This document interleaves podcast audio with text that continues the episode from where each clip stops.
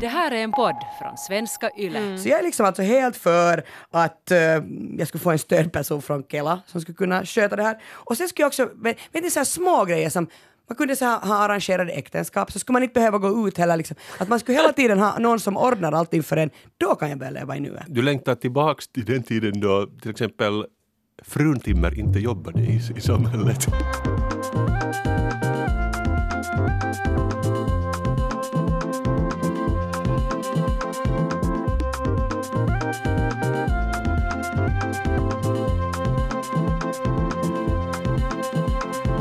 Välkommen till Sällskapet, en kulturpodd med samhällsperspektiv. Sällskapet består av mig, Kia Svetihin, och den här gången sällskapar jag med Kasper Strömman och Petra Laiti. Välkomna! Hej! Tack! Tack! Hur mår ni? Jättebra. Själv då? Ja, ja, jag mår bra, jag har fått börja jobba igen. Jobbar ni eller är ni lediga? Uh, no, I princip jobbar jag ju, men det är ju på distans, så jag ser ingen skillnad till sommarlovet än så länge. Så du gör helt lika som du har gjort på våren? Att, att liksom, Ni har inte bytt. Hur är det med dig Kasper? Jag är lite av en outlaw. Jag står lite utanför samhället. Jag är aldrig säker på när jag jobbar och när jag är ledig. Det blir som en salig röra. Ser du dig själv som konstnär? ja, ja, det gör jag. Bra, vi går vidare. Eh, Petra, vad har du tänkt prata om idag? Jag vill tala om sommarstugor och varför vi har dem och varför vi åker på sommarstugor. Ah, mitt favoritämne. Skulle säga att, eh, Kasper är ju stugmannen. Äsch. Äsch. Alltså jag har gjort ett par säsonger av en stugserie men liksom den finns på Yle Arena om man vill kolla men äsch. Berätta för all del Petra du vad du har stugor. Uh, nej, jag har, jag har tagit upp en massa statistik och jag vill jämföra att hur, hur väl vi passar in i de statistiken. Blev du nervös nu när du har liksom en stugmän? Nej då. Nej, nej, nej, nej. I see myself as a stug lady. Mm, ja. Men jag måste säga ändå Kasper att jag är ganska imponerad över att du fick göra en till säsong. Alltså, inte, jag säger inte att du är skit, utan bara det att om man får göra en till säsong måste ju vara bra. Jag är imponerad över att du får jobba här Kia på Yle. Så säger jag snart någonting om hur gammal du är. Är det det jag brukar alltid dissa dig Du, ja, du brukar säga att, att Nej, jag Ja, lovar. ja. Du din unga själ. Kasper, vad ska du prata om? ah, Kia Petra, jag har sett en serie som heter Space Force. Jag har sett en serie som heter Space Force på Netflix och jag kommer att prata om den och det kommer att bli jättebra. Space Force. All right. Um, jag har funderat på att leva i nuet. Uh, ni vet som mindfulness och, och sånt tjafs. Uh, det är så att jag intervjuar Sigge Eklund som har eh, helt nu i dagarna kommit ut med en ny bok som heter Livets små njutningar och det är liksom 47 vardagsbetraktelser som ska göra livet värt att leva. Men en annan bok som jag också har läst som passar mig mycket bättre är en studie i oro som är skriven av uh, Roland Paulsen. Den heter alltså Tänk om. Uh, det är liksom en sån här mekanism som funkar bättre på mig för jag går liksom ständigt omkring och oroar mig. Men med de här båda böckerna så ska vi fundera på hur man klarar av att kanske ändå leva lite mer i nuet. Eller vill man ens? Men uh, vi tar helt enkelt och börjar. Petra, du är, du är först ut. Yes, okej, så, um, så jag har varit på flera sommarstugor under den här sommaren och, och annars också. Um, men i år kanske i synnerhet mycket, jag vet inte, kanske det har med virusläget att göra, att man vill komma bort från stan, att man vill liksom känna att man gör någonting, så far man på sina vänners sommarstugor. Men det som jag har insett eh, är att när jag har besökt mina vänners sommarstugor, så de har sådana saker på sina stugor som jag inte har. Eh, jag har liksom två sommarstugor för varsin släkt av, av mina föräldrar. Och båda är i ställen dit det är antingen svårt att komma till eller så liksom fattas det något. Så, så ena sommarstugan är på en ö eh, och, och där finns liksom inte uh, varken el eller vatten, att det är liksom solpanel. Och den andra är uppe i, i norr så att det inte finns liksom telefonnätverk alls. Det här är white people problems. Det är på riktigt nu.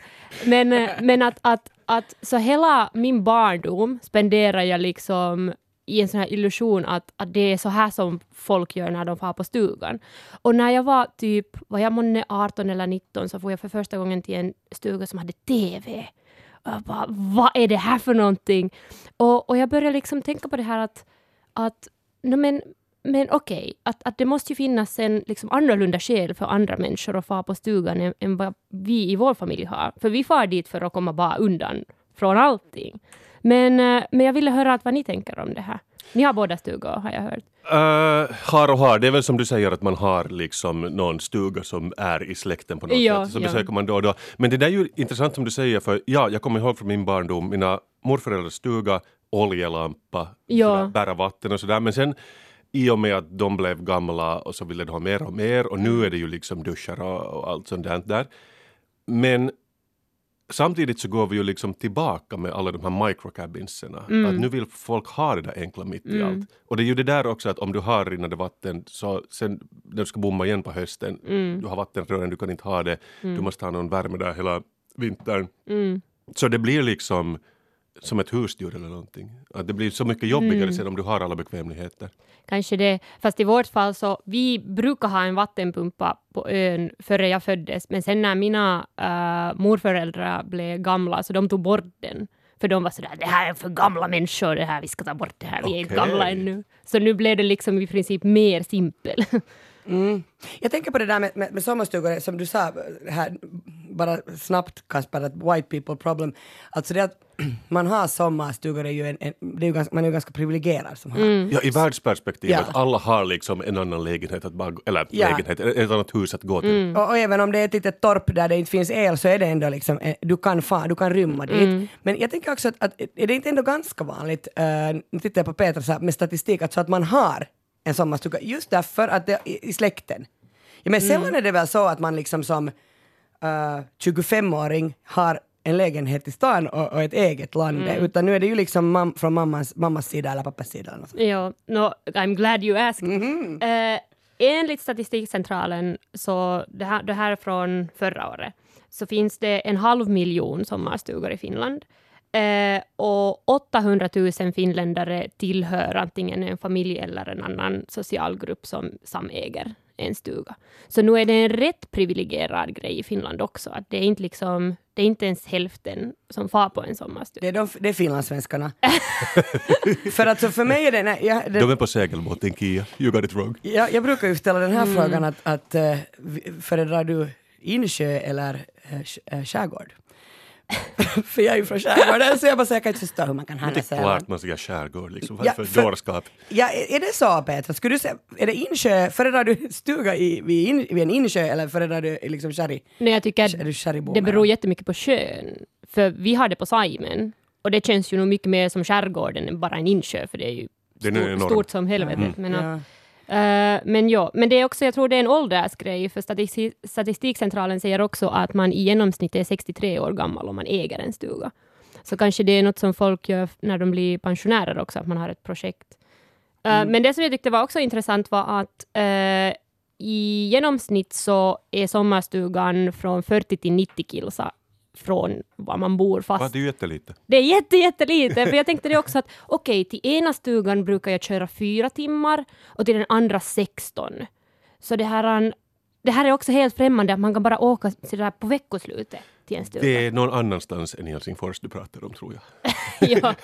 För att här har de väl gått åt de där närliggande ställena. Eller det är ju mer tättbefolkat också, man kan inte ha stuga hipp som happ var som helst här. Men att, Fast det, det här är mythbusted, för Statistikcentralen säger också att det är bara 28 procent av nyländska stugägare som har en stuga på Nyland.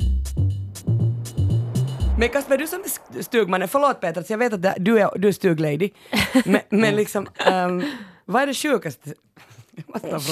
Vad är det sjukaste stugan? För jag tycker den senaste säsongen var det så mycket sjuka stugor. Vad är var det det? Vad är Alltså, sjukaste vi har då varit eh, på ungefär kanske, vad blir det, 60 stycken olika stugor och de är ju utvalda i, vår- i vår tv-serie för att de ska vara lite speciella. Eh, jag tycker ju liksom det är, de är kanske inte så sjuka. Jag tycker det är mer sjukt när man ser på andra program, stugprogram, vad det nu finns, så här, och det är alltid så välskött. Och jag fattar aldrig hur de har kunnat göra det men så insåg jag att om man är pensionär så Ja. kan man använda all sin tid på att göra det så där otroligt, att man klippa med nagelsax gräsmattan och hålla på med sådana travar med ved som, som räcker sig så långt ögat når. Det tycker jag kanske är det mest sjuka. För jag upplevde själv som i min barndom, vi hade en stuga på Kimitoön, eller har ännu också, så det var lite sådär, det var högt gräs och liksom, man åt en korv i ett träd eller någonting. Och nu när min pappa är pensionerad så det är, det är som Versailles där. Men har han flyttat dit typ så? Nå, typ nu under coronan, alltså att Ja. de har bott där liksom. Men då har de, Ja. de har ju alltså all sin tid i, all tid i världen. No, men det är liksom. just det som, man- som jag inte har insett förut, att folk har alltid i världen och därför blir det sådär otroligt mikromanagerat ute på de här ställena. Mm, Man bygger typ en massa terrasser så att man inte ska behöva gå barfota på en barmark. Men det är därför jag börjar uppskatta det där som, som Petra säger, att just de här old school-stugorna som har lite kommit Faktiskt, tillbaks, ja. att det är byggt av kanske, det är lite så här shantytown, att det är byggt av den så här plankor man hittar någonstans. Men sån här privilegierad shantytown. Nå jo, no, okej det är klart. Men- men ja, men sådär faktiskt shantytown emot ljus på Instagram. Ja. Men ändå att, att det finns någon slags eh, movement att gå tillbaka Mm. där. Okej, Jo, jag som just har installerat en värmepump i, i den stugan jag bor i så att jag inte ska behöva elda. så kan jag ju tycka att det här är lite främmande tanke för mig. Att, ni- uppskattar ni alltså, eh, Petra, bor du alltså då hellre i en sån här stuga som, som typ inte har el eller rinnande vatten? Um, nu ska vi säga så här att, att om jag vill liksom undvika telefonen och datorn, så jag har märkt att jag måste vara på ett ställe där jag inte kan ladda dem. För det är bara då som jag har liksom tillräckligt med koncentration att läsa böcker och lyssna på radio och faktiskt liksom koncentrera mig i det som jag gör. Um, och nu var jag faktiskt liksom, Um, nu när jag var på ön senast så var jag där för första gången och jag är 25, jag var där för första gången utan vuxna. så det var bara jag uh, och mina frändin. Och först då när jag hade upplevt det som att jag är där liksom själv som ansvarig, så först då var, var jag sådär att Ah, I get it now! Det är därför som man far hit. Men man har ju sett så många skräckfilmer också, man vill ju inte åka dit ensam. Det blir ju sådär. Nej, ja, men, Okej. kanske, men, men det är inte en främmande stuga åt mig, så jag är inte rädd där någonsin. Blair Witch Project Jag anyone? tycker det är så jobbigt att vara ensam. Liksom. Men Jag måste, för mig är det ju inte en stuga, utan jag, det är mitt barndomshem och mina föräldrar bor där, så det är ju liksom en, ett vanligt hus då. Ja. Men det där, jag tycker det är så jobbigt att vara där ensam, för jag vill säga att pappa ska hämta ved och vatten, att jag inte måste göra allt själv. Och, jag är liksom, då, mina föräldrar bor där, så, är så när de inte är där, ja det är en, ett, en extrem frihet, det händer en gång på tio år att jag är där utan dem. Eh, men det är nog också jättetungt, man måste göra allt, alltså det är jättemycket, eh, vad heter att ta hand om, att sköta om. Eh, vad he- ja, det är som din, din pappa håller på med när han klipper med någon sån nagelsax. Så du säger att du, du åker dit för att få vara ett barn, Ja. långt upp i åldrarna. Men det som jag också tycker på något sätt är intressant eh, från de här statistikerna var att över hälften av de som äger stugor också bor i egnahemshus. Aha. Um, och, och där liksom kom jag på en sån här tanke, för, för jag måste ta den här, den här obligatoriska sametangenten, men att, att det som eh, fortfarande finns rätt starkt i den samiska kulturen, som har kommit från liksom långt bort i tiden, är att man flyttar mellan årstider. Att man bor på ett ställe under sommaren och man bor där i princip fast, och sen bor man fast på vintern någon annanstans. Och jag känner att här finns liksom en, en liten likhet här, och det sympar jag jättemycket, för liksom att, att Um, att jag, jag, på något sätt säger jag att, att, att stugkulturen kan bli liksom problematisk och privilegierad om, om de blir liksom statussymboler. Men jag sympar jättemycket den där tanken att, att man vill liksom bo på ett ställe för att göra grejer som man gör på sommaren och bo på ett annat ställe för att göra saker som man gör på vintern. Och, och det är på något sätt, I feel that. Vet du, Jag har inte ens tänkt på det, för det finns inte något namn för det här. Jag, menar, jag tänker Nej. att man är en nomad. Nej, det är något annat. Det, alltså folk gör ju det där hela tiden, de liksom Mm. döper om saker så att det blir liksom lite tuffare. Ja. Att, Ja. Att, att jag är inte i stugan, jag är nomad. Jag är urban nomad. jag, lilla jag, får berätta någonting härligt. För nu kan ni berätta åt er, Kia Petra, jag har tittat på TV, eller jag har sett en serie som heter Space Force på Netflix.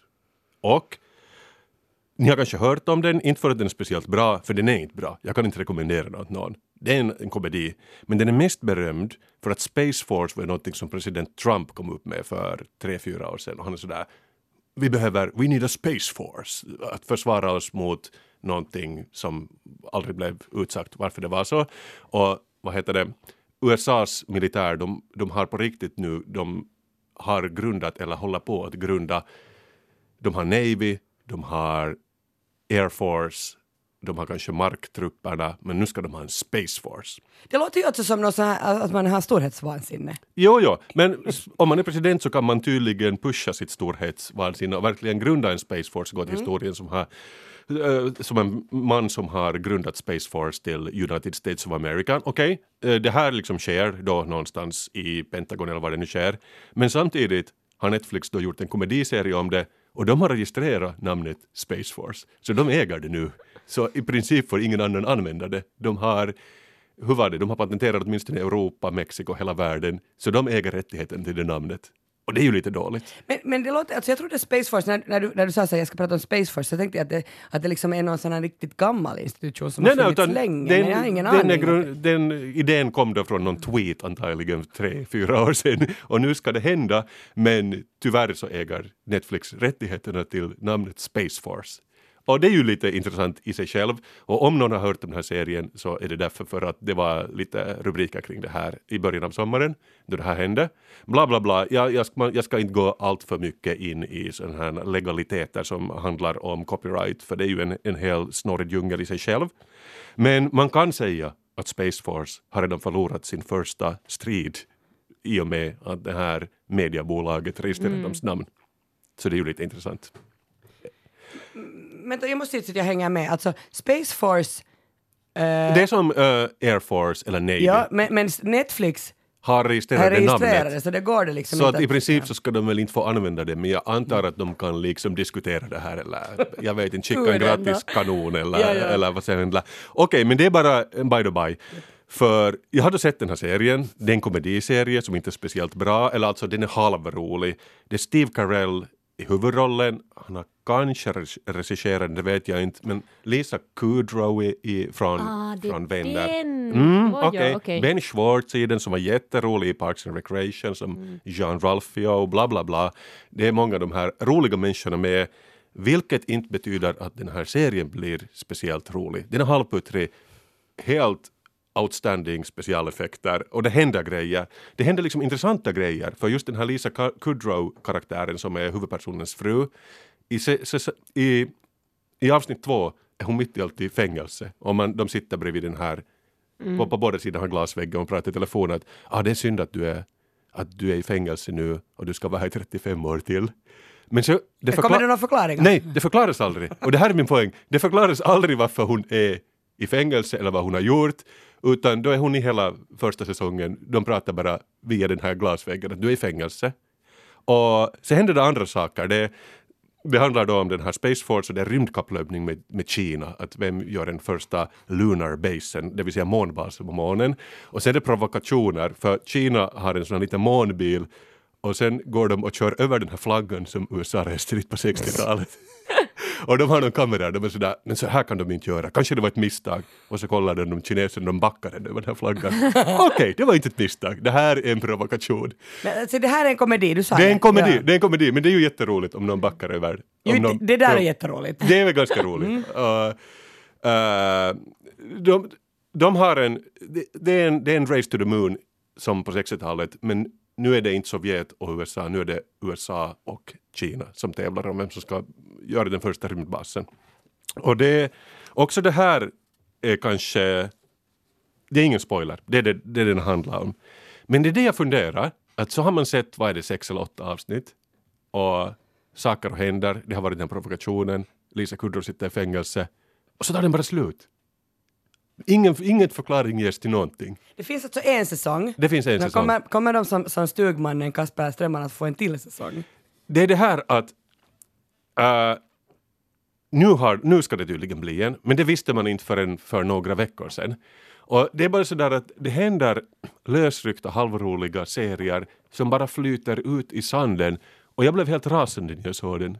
För jag tycker man inte får göra så här. Mm. För ni vet, vi har en mångtusenårig berättartradition som går back to greker som sitter på en amfiteater och liksom eh, planerar hur en bra historia ska berättas. Mm. Och så kommer Netflix och de bara bajsar på hela den traditionen. Men, men hur, jag tycker att det, det spännande är ju alltså, för, för, för, för det första att du har sett på den, när den är så dålig. no, men, man, den, den är ju lite cliffhangerig på det sättet. Man vill veta att, att kommer det någon slags uh, förlösning till varför alla de här sakerna sker. Men nej, det gör det aldrig. Okej, okay, och B är det att jag förstår inte hur, hur liksom is Netflix göra en, en så här halvdan serie. Men är det inte deras profit model liksom? Att de jag har läst någonstans ifrån Netflix baserar sin strategi på att, att de lagar serier som folk vill liksom, eller som lockar liksom nya beställare. Aha. Och sen när, när en serie inte längre lockar nya beställare så i princip är det liksom herran halton. Ah, ja. Jag vet inte, men jag har funderat att eh, ja, det, det fanns vissa vitsar som var helt roliga där sådär, men att, men att jag ännu också, jag kokar av vrede när jag tänker på att den inte slutar på något sätt. Men samtidigt så tänker jag att det här är kanske framtiden och de har kanske kommit på något nytt och det är så här vi berättar år 2020. Tänk på coronan, den tar aldrig slut. Det är bara liksom lösryckta in incidenter. Igår hade någon suppa från Sverige, en svensk kille, från suppa från Stockholm till Åbo. Eh, jag menar, Ingen vet varför, ingen vet om han kom fram. och det ingår inte i berättelsen, i den stora berättelsen av corona. Det är bara en sak som händer. Livet är sånt här. Att det Kia händer saker. Saker och ting händer och sen i retrospektiv så lägger man in dem och gör en koherent berättelse av dem och kanske skriver en memoar eller så här.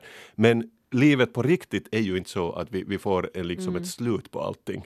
Och därför, för att jag har kommit på att jag har nu jag har sett framtiden, jag har sett det nya berättargreppet, så blev jag jätteinspirerad av det här.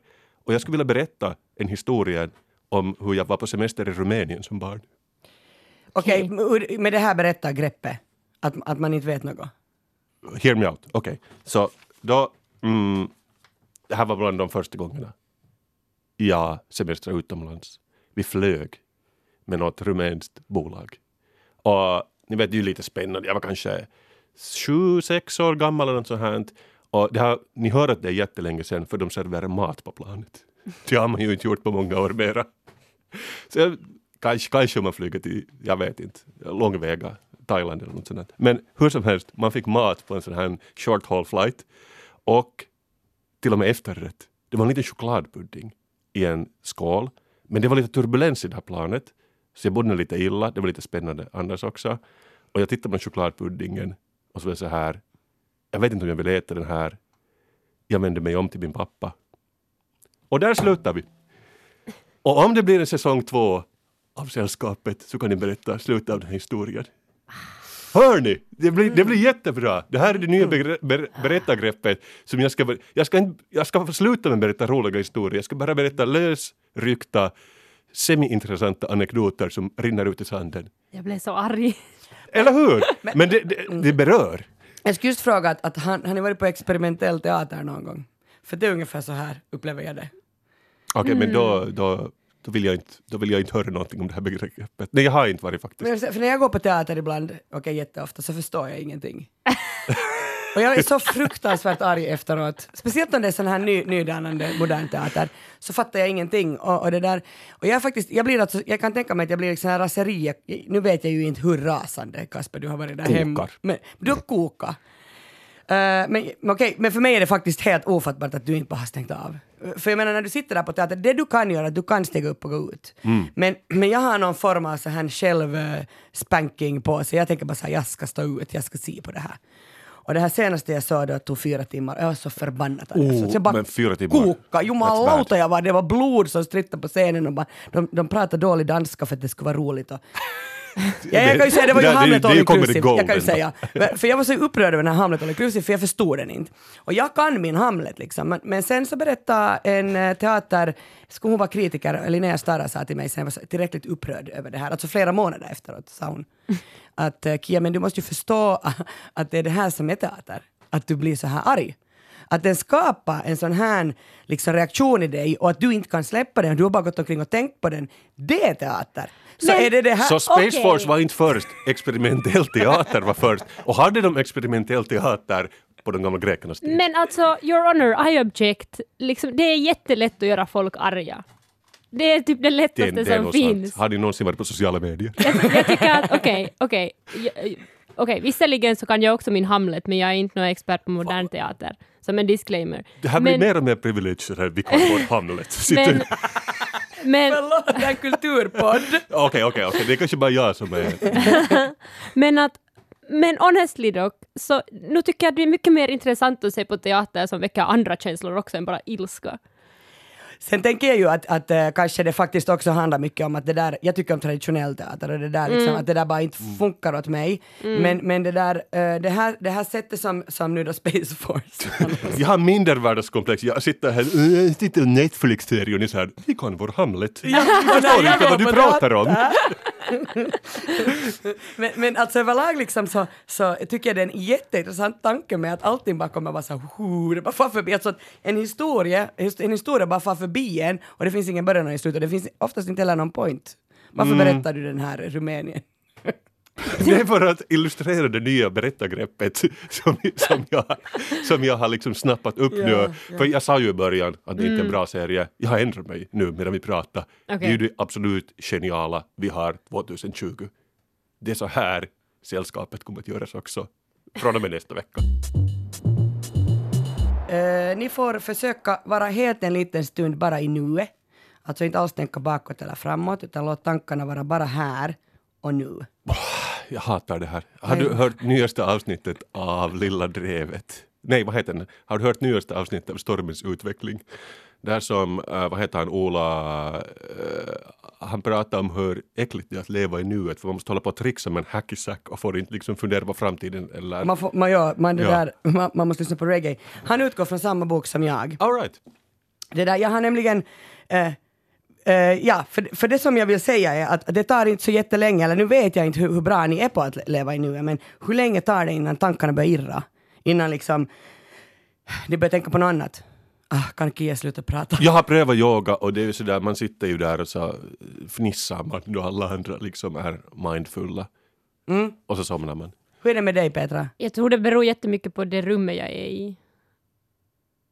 No further comment. Alltså måste man vara, liksom, det, det, det utmålas som en dygd att kunna leva i nuet, men är det egentligen liksom så viktigt?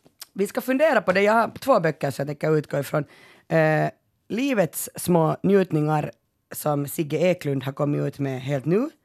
Eh, Sigge Eklund är annars känd som en, av- en av podd, poddarna i Alex och Sigges podcast. Podcastveteran kan man säga. Ja, verkligen. Uh, Alex och Sigges podcast tror jag också är Sveriges populäraste. och har Eh, kommit ut jättelänge. Ja, sen 2012 Säkert bland de första. 13. Ja. Jag är för Ja. ung, jag har inte hört talas om det. Eh, så den, den boken handlar liksom faktiskt om att ta, ta i det där lilla i, i livet, alltså små njutningar, vardagsbetraktelser. Och sen den här Tänk om, en studie i oro av Roland Paulsen, eh, som eh, ja, handlar om att hur ska man hur, hur ska vi sluta oroa oss? Att vi är, vi är, en vi är jätteoroliga just, just nu. Um, och jag tycker att de båda är liksom samma ämne. Alltså det, är samma, det, är- det, det är inte två böcker som vill samma sak, men de är ganska olika både liksom till omfång och till innehåll. Alltså Sigges bok är inte lång. Den är, den är, det, det är det bästa med den, är att den är så kort. Jag tycker också det är helt genidrag.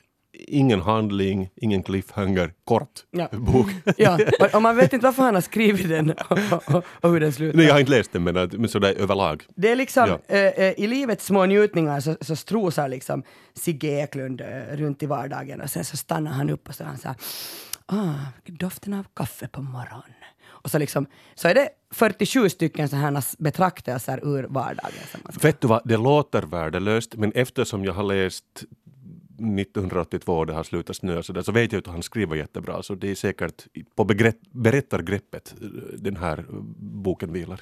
Alltså den är, den är, han, är, han är väldigt skicklig att skriva. Precis. Eh, den blir lite provocerande eftersom för mig så, alltså han skriver i du-form, så här du går ut och går. Och, så. och för mig så liksom är Sigges vardagsliv ganska sådär ouppnåeligt för en vanlig död. Det är att han bor i LA, han liksom har Sveriges kändaste podd. Um, jag tror att han har ganska mycket pengar, ett hus på Gotland och, och så ska man liksom, till exempel en av hans eh, uh, betraktelser är sådär att han är i en pianobar och så dricker han en sån här jättedyr drink och sen så, så går han fram till pianisten och sen får, han- får han pianisten att spela en, en, den sång han väljer. Men är det här typ samma som folk gör på Instagram om man går in dit på liksom recommend me stuff så, så får man liksom bilder av det här perfekta livet men vem säger att det här har hänt, det här som står i boken? Ja, alltså faktiskt så, så tycker jag att, att det som Sigge eh, Eklund gör, och bland annat Linda Skugge skriver för, är det Expressen eller Aftonbladet, också en vardagsbetraktare. Alltså, det är egentligen bara ett annat sätt, eh,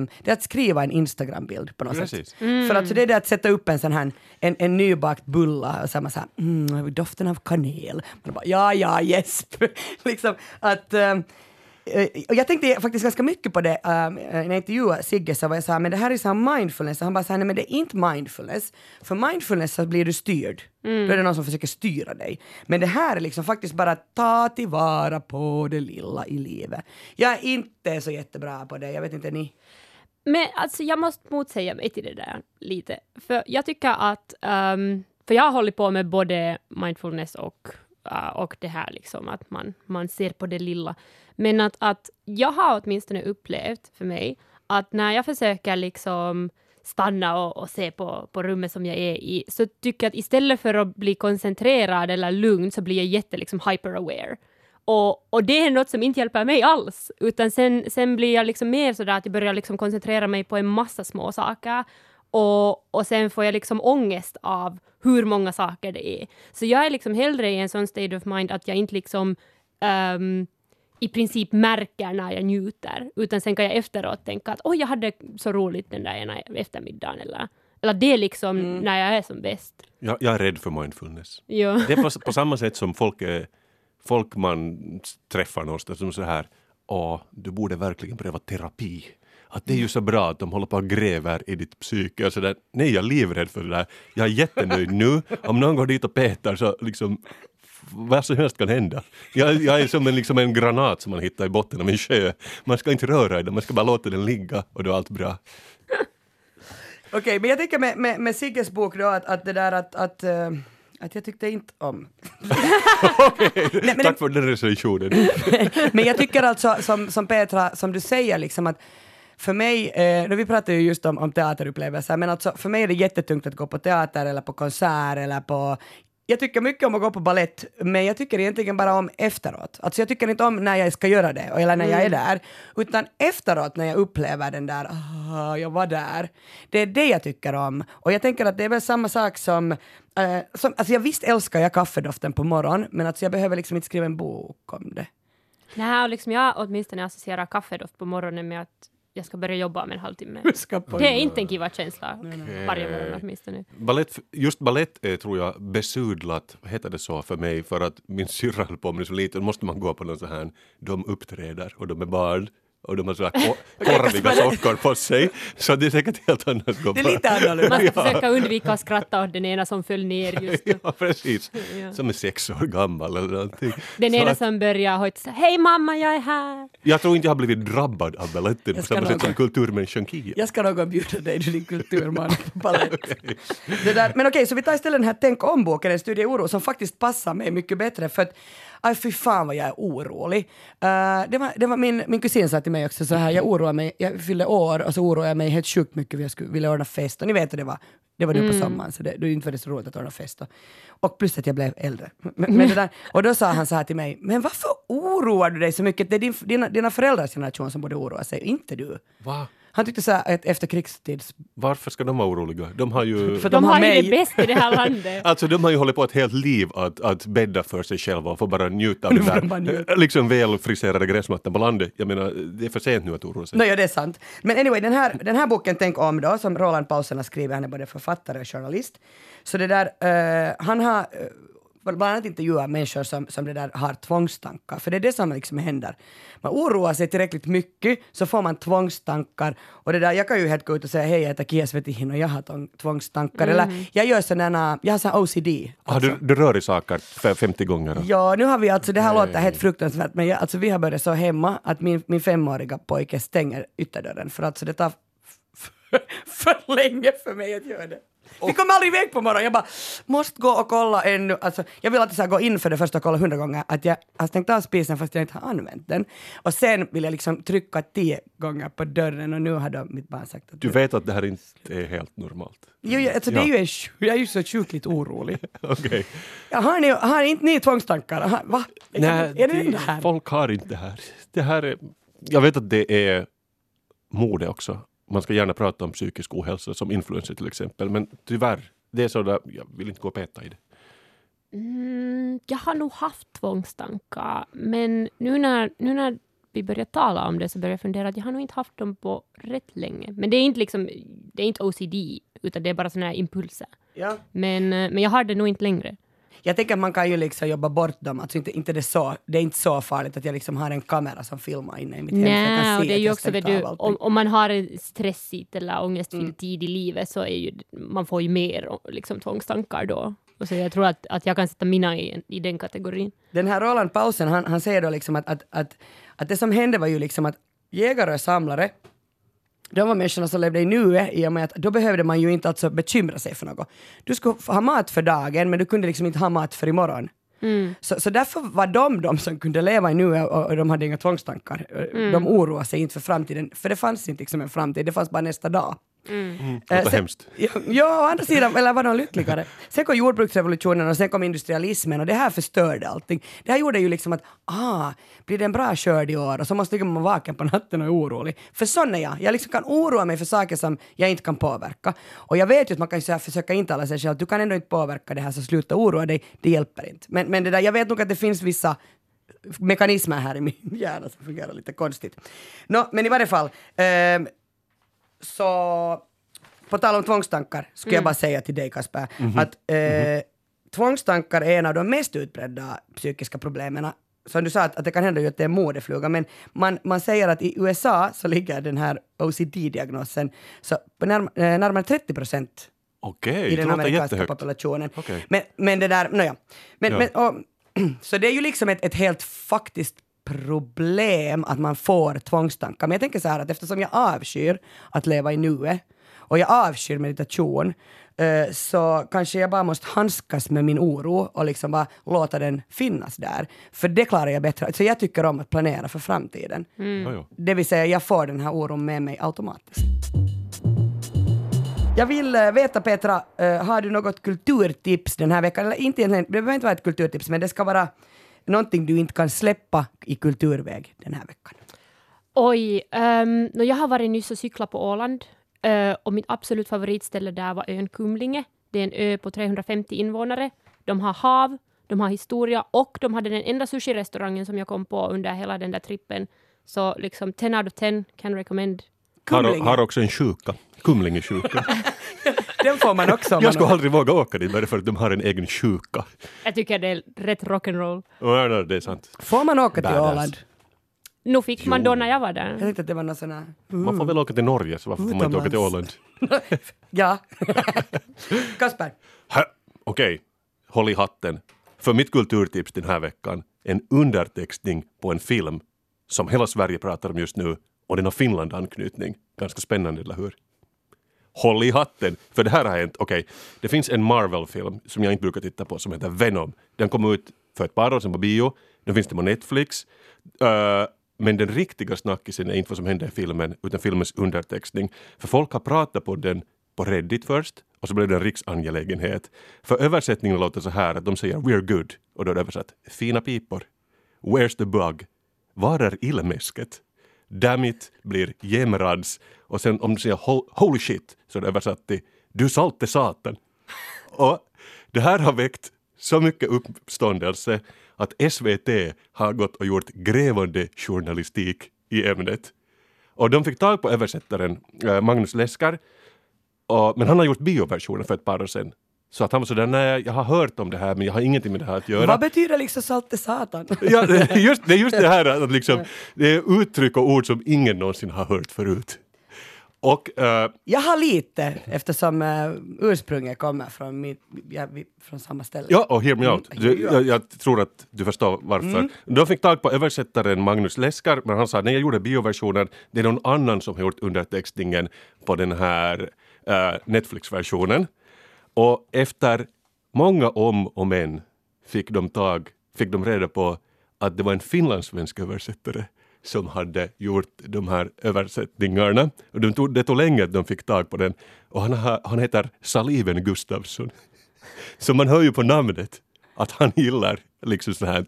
Det känns också som ett namn att han antagligen jobbar här någon gång i det här rummet. Men han, då, då, då, hade, då finns det en intervju av honom ute. Han säger basically att han gör dem på löpande band, de här översättningarna, var han nu bor, uh, actionfilmer, och han är så trött på dem att han vill liksom krydda dem lite. Med egna så här dialektala uttryck, kanske just från Borgå skärgård som han har snappat upp här. Och och just det där att säga att vissa av de här uttrycken Eh, yeah blir bara yeah med två e. Så att de, de låter normala för oss för att vi bor här i Finland. Men det här har jäckat hela Sverige förra veckan. Men mysteriet är löst, slutet gott, allting gott.